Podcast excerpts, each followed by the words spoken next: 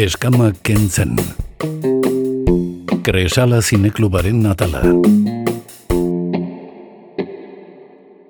Gaur zinemari buruz hitz egingo dugu hemen izpilu beltzan hasieran iragarri dugun bezala badekizue asteartetan Kresala Zineklubeko lagunak izaten ditugula hemen gurekin eta gaur Paul Lormaetxearen txanda da berak e, hitz egingo digu Un hombre sin pasado pelikularen inguruan badekizue Kaurismakiren pelikulak errepasatzen ari direla Kresala Zineklubean eta gaur arratsaldean Trueba Zinemetan arratsaldeko 7 dietan e, proiektatuko dute pelikula hau. Egunon Paul, zer modu zaude?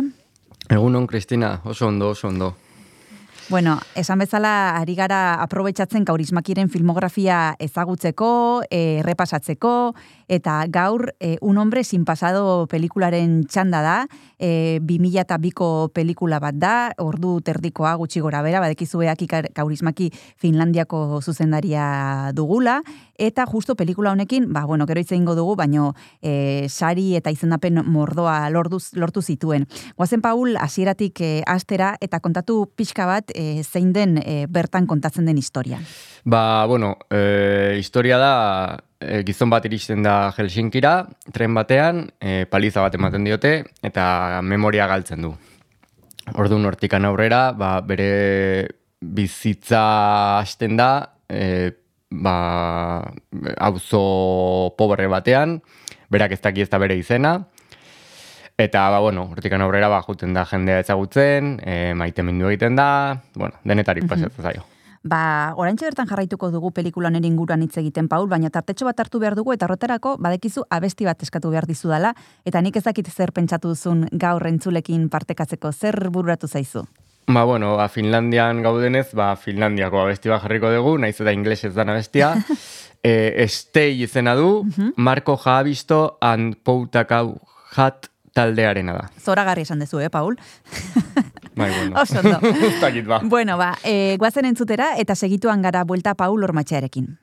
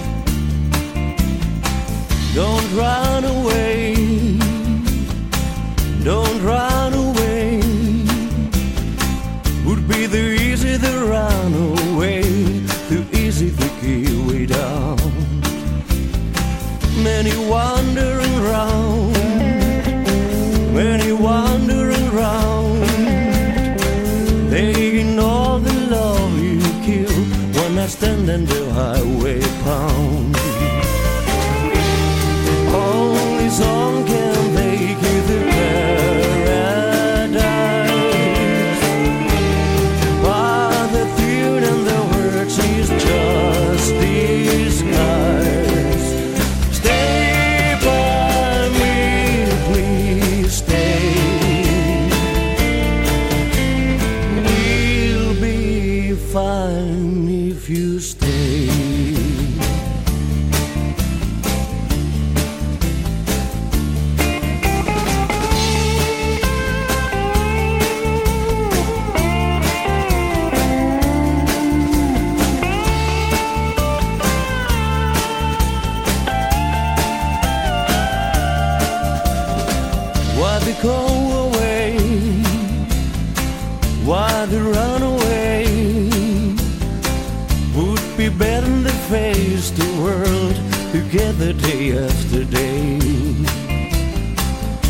Need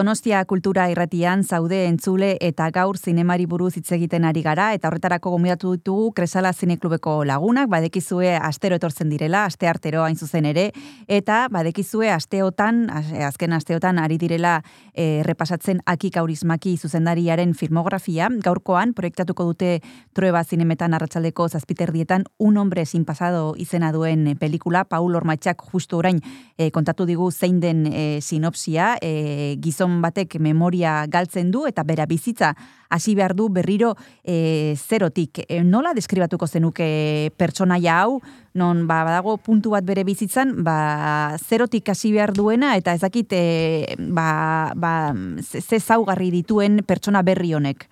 Ba, bueno, lehenengo esan behar detena da, e, kontatu detena, osea, hasiera hori, bost minututan pasatzen dela.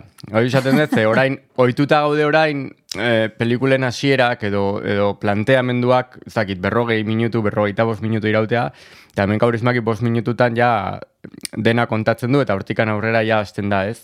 Bere, eta pertsonaia da, ba, oso oso zaila da esatea nola dan pertsonaia, ze guk ez dugu ezagutzen bere berak bezala, guk ez dugu bere iragana ezagutzen. Ordun e, da pertsonaia bat, ba, kaurismakiren pertsonaiak bezala ez duna gehiegi hitz egiten, ez gehiegi espresatzen sentimendurik. Galduta dagona, e, gainera ezin du ia ezer egin, ze ez dauka izenik, ez dauka ezer, orduan lan, lan bilatzen da bilenean ere, ba, ba ezin du, ez daukalako e, ba, ba, segurtasun sozialerako zenbakirik, ez, ez dakit inorrek nola izena dun. Eta hori, pertsonaia da, ba, gizon berrogeita piko urteko gizon bat, e, Ola nahiko serioa ematen duna, hasiera batean behintzat, naiz eta badakigu beti kaurismakik bere elkarrizketetan kriston humore pila daukala, eta honetan nik esango nuke are gehiago. Eta hori, ba, azkenean e, berriz ere kontatzen duna, hori lejabren ere asko pasatzen da, da e, elkartasuna, ez? E, ba, duten bezala auzo pobre batean dago, eta nola laguntzen duten hango ban bizi diren beste pertsonak, eta E, pelikula honek aipatu dugu hasieran e, bueno, izendapen eta sari pila bat lortu zituen 2000 eta bigarren urtean, duela ja hogeita bat urte, e, Oskarretan e, ba, e, pelikularik e, a, e, inglesa ez den pelikularik onenaren izendapena lortu zuen, kanesen hiru sari, donostian ere bai zinemaldian fibresti saria lortu zuen, e, Cesar sarietan ere e, izendapena lortu zuen, bueno, e, kritikak e, ongi hartu zuen pelikula hau, e, ez dakit den bere pelikularik onena, e, Paul, zure ustez? Ba, ez dakit, ez dakit. Osea, pelikula oso, pelikula oso ona da. Honena dan, pf, ez dakit, hori pentsatzen de, bakoitzak azkenean erabakiko dula. Nik uste pelikula guztiak nahiko antzekoa direla.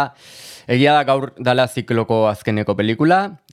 Nik uste oso pelikula proposa dela, bukatzeko, ze e, egia da kaurismakiren e, tik guztiak daudela pelikula honetan, ez? Bere estilo guztia sartzen du, bere gai guztiak daude bilduta, nik esango nuke hori inoiz baino umore gehiago daukala, e, azaltzen diren pertsonaiak e, ba, ziklora etorri balin badira ezagutzen ditugu ia denak, ze aktoreak e, ba, beste pelikuletan ateratzen dira, hor ere txiste txiki bat egiten du aktore batekin, ze pelikulan ez da gertzen, ez dauka paperik, eta askotan ikusi dugun aktore bada, baino bi pertsonaia taberna batean biltzen dira, eta kuadro batean badago beste aktore horren aurpegia, ez? Orduan, bueno, olako gino eh, tontakeri bada, baino graz, grazia egiten du pelikulan. Ja, eza- ezagutzen balin badezu aktore hori, gainera horrelako aurpegi oso oso ba, esanguratsua eta eta segitun errekonozitzen da.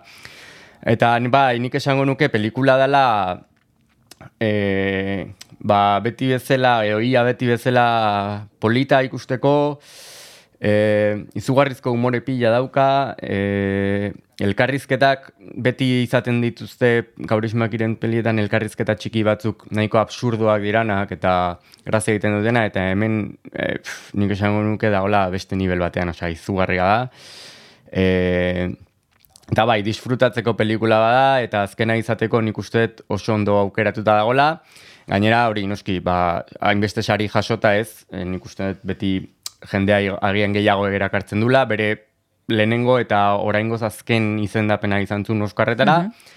Euskarrak gertu dauzkagu, hasi que, bueno, aprobetxatu, a ber, jendea gehiago, beti, beti dator jendea, baina, bueno, a ber, ontan, ba, pixkat gehiago urbiltzen da. Aipatu behar dugu Oscar sarietan 2000 bigarren urtean e, izendapena lortu zuela, baina bera etzela joan normalean ez da horrelako sarietara joaten, kasu horretan e, estatu batuak e, ba, egon ziren e, Irakeko inbazioan eta horregatik esan zuen berak etzela joango e, ba, ba, galara edo, edo bueno, ospakizunera. E, beti izaten du pixka bat e, sariekiko jarrera oso, bueno, e, koherentea, ez, e, gizon honek. Bai, bueno, bera oso oso ezkertierra da, esango nuke. eh, eh, pf, nik uste estatu batuak, pa, etzezkiola bat ere gustatzen hori elkarrizketa askotan komentatzen du. Eh, bere pelikuletan ere ikusten da, ez? Nundik doan, bera. Eh, Beti langile klasearen inguruko pelikulak egiten ditu. eh, elkarrizketa askotan aipatzen du ba, sarien hipokresia edo batez ere e, ja estatu batuetara gehiago tiratzen, naiz eta hemen ere Ba, bueno, ez dion garrantzi gehiegi ematen sariei oso, oso tipo, beria esan, ba, ez dakit nola esan, berezia da, eh? E, izugarrizko umorea dauzka, bere elkarrizketak irakurtzen bali maituzu, izugarrizko umorea dauka, eta bai, ba, ba bueno, etzan jun, eta Eta badauka horrela, ezagutzen balin badezu pixkat, badauka bere logika ez juteak ere bai, ba, bere diskursoarekin bat doalako. E, bigarren tarte hartu behar dugu, Paul, eta horretarako bigarren abesti bat eskatu behar dizut, ez dakit pentsatuta daukazun, e, zer entzun dezakegu? Ba, The Renegade zen Do The Shake entzungo dugu. Ederki, bagoazen entzutera.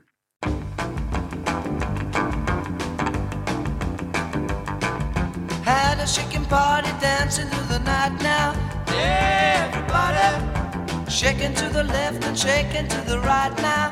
Everybody shout, shout, keep the street awake. Do the shake, everybody do the shake.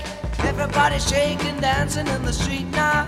Everybody, everybody shaking to a holly golly beat now. Everybody. Shout, shout, keep the street awake. The shake, everybody do the shake.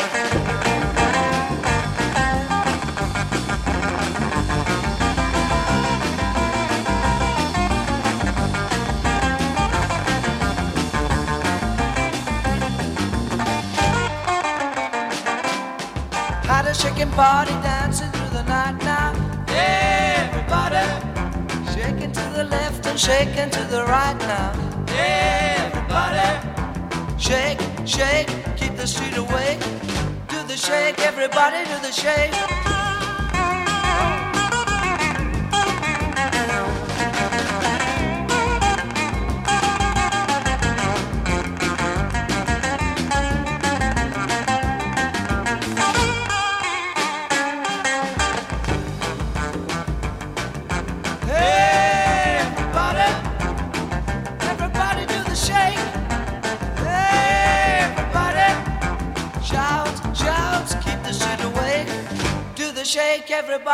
The shake, shake. Everybody, everybody do the shake. Everybody, shout, shout, keep the street awake. Do the shake, everybody do the shake. Izpilu beltzan gaude eta gaur asteartea da entzule badekizu asteartetan zinemari buruz aritzen garela eta horretarako gomidatzen ditugu Kresala Zineklubeko lagunak. Gaur Paul Ormaetxearen txanda da badekizue bera aki kaurismakin aditua dela eta errepasatu dute e, azkeneko asteotan e, bere filmografia, zuzendari Finlandiarren filmografia gaurkoan, bere azken pelikula proiektatuko dute, ez da bere azken pelikula, baina zinema, e, kresalan proiektatuko duten azkena izango da, gaur arratsaldean trueba zinemetan izango da, arratsaldeko zazpiterdietan, eta pelikulak izena du Un hombre sin pasado. Justu pelikula honen inguruan hitz egiten ari ginen Paulekin, eta galdetu, bueno, badekizue bera e, fan bat dela, baino pelikula hontan Paul zuri zer gustatu zaizu gehien? Ba, pf, eh, a ber, niri pelikula osoa gustatzen zait. Eh, esan dut, ja, elkarrizketak dira brutala, baina brutalak, eh? eh absurdo hori dagona, gero dauzka, eh, hori beste pelikuletan ere batzutan sartzen du, dauzka como frases lapidarias, Mm. baina esaten dituzten, esaten dituzten pertsonaiek ez dute ematen horrela hitz egiten duten pertsonaia horietakoak. Orduan, hor ironia puntu bat dago, grazia asko egiten du. E, hori, gero erlazioak, pertsonen arteko erlazioak ba oso komikoak dira askotan. Eh, esan duten bezala maitasun historia dago, oso polita da, ez dauka horrela ezer berezirik, baino oso polita da, berak maitasun historioak asko sartzen ditu bere pelikula askotan, batez ere hasierakoetan, ja azkenekoan ikusi genunean, ba, eh, esango genuke bikote bat dala ezkonduta dagona, orduan ez da maiten mintze prozesu hori azaltzen, baina hontan bai bueltatzen da, gainera aktorea emakumea e, Kati Outinen da, be, kaurismakiren pelikula gehienetan ateratzen den aktoresa. Aktore guztiak ikaragarri daude beti bezala, argia da, zoragarria, eske ezakit ez nuke gauza bakar bat ere e, destakatuko dena, dena iruditzen zait ona.